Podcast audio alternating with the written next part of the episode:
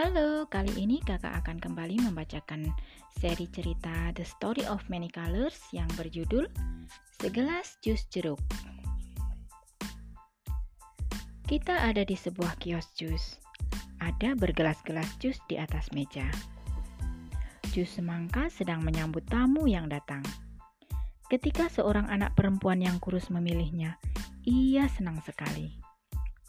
Jus Arbey melompat-lompat di atas meja, Ketika seorang anak perempuan yang gemuk memilihnya, ia senang sekali.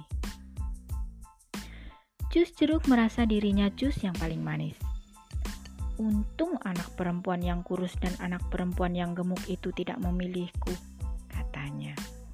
Mereka tidak cukup baik untukku.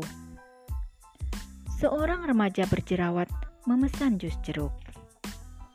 Jus jeruk bersembunyi. Aku tidak mau diminum oleh gadis jelek itu, pikirnya.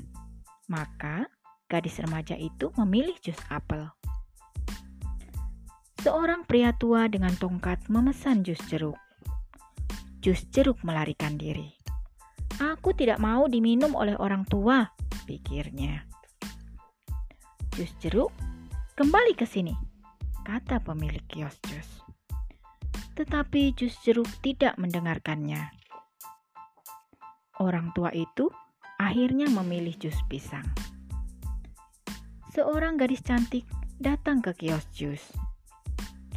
Pilih aku, pilih aku, kata si jus jeruk.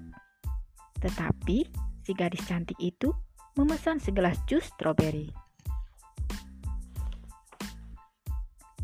Di sore hari, semua jus sudah terjual kecuali jus jeruk yang pemilih dan sombong itu. Yah, sudah pahit, kata pemilik kios. Ia membuang jus jeruk ke wastafel. Ingat, jangan sombong. Ramahlah pada semua orang.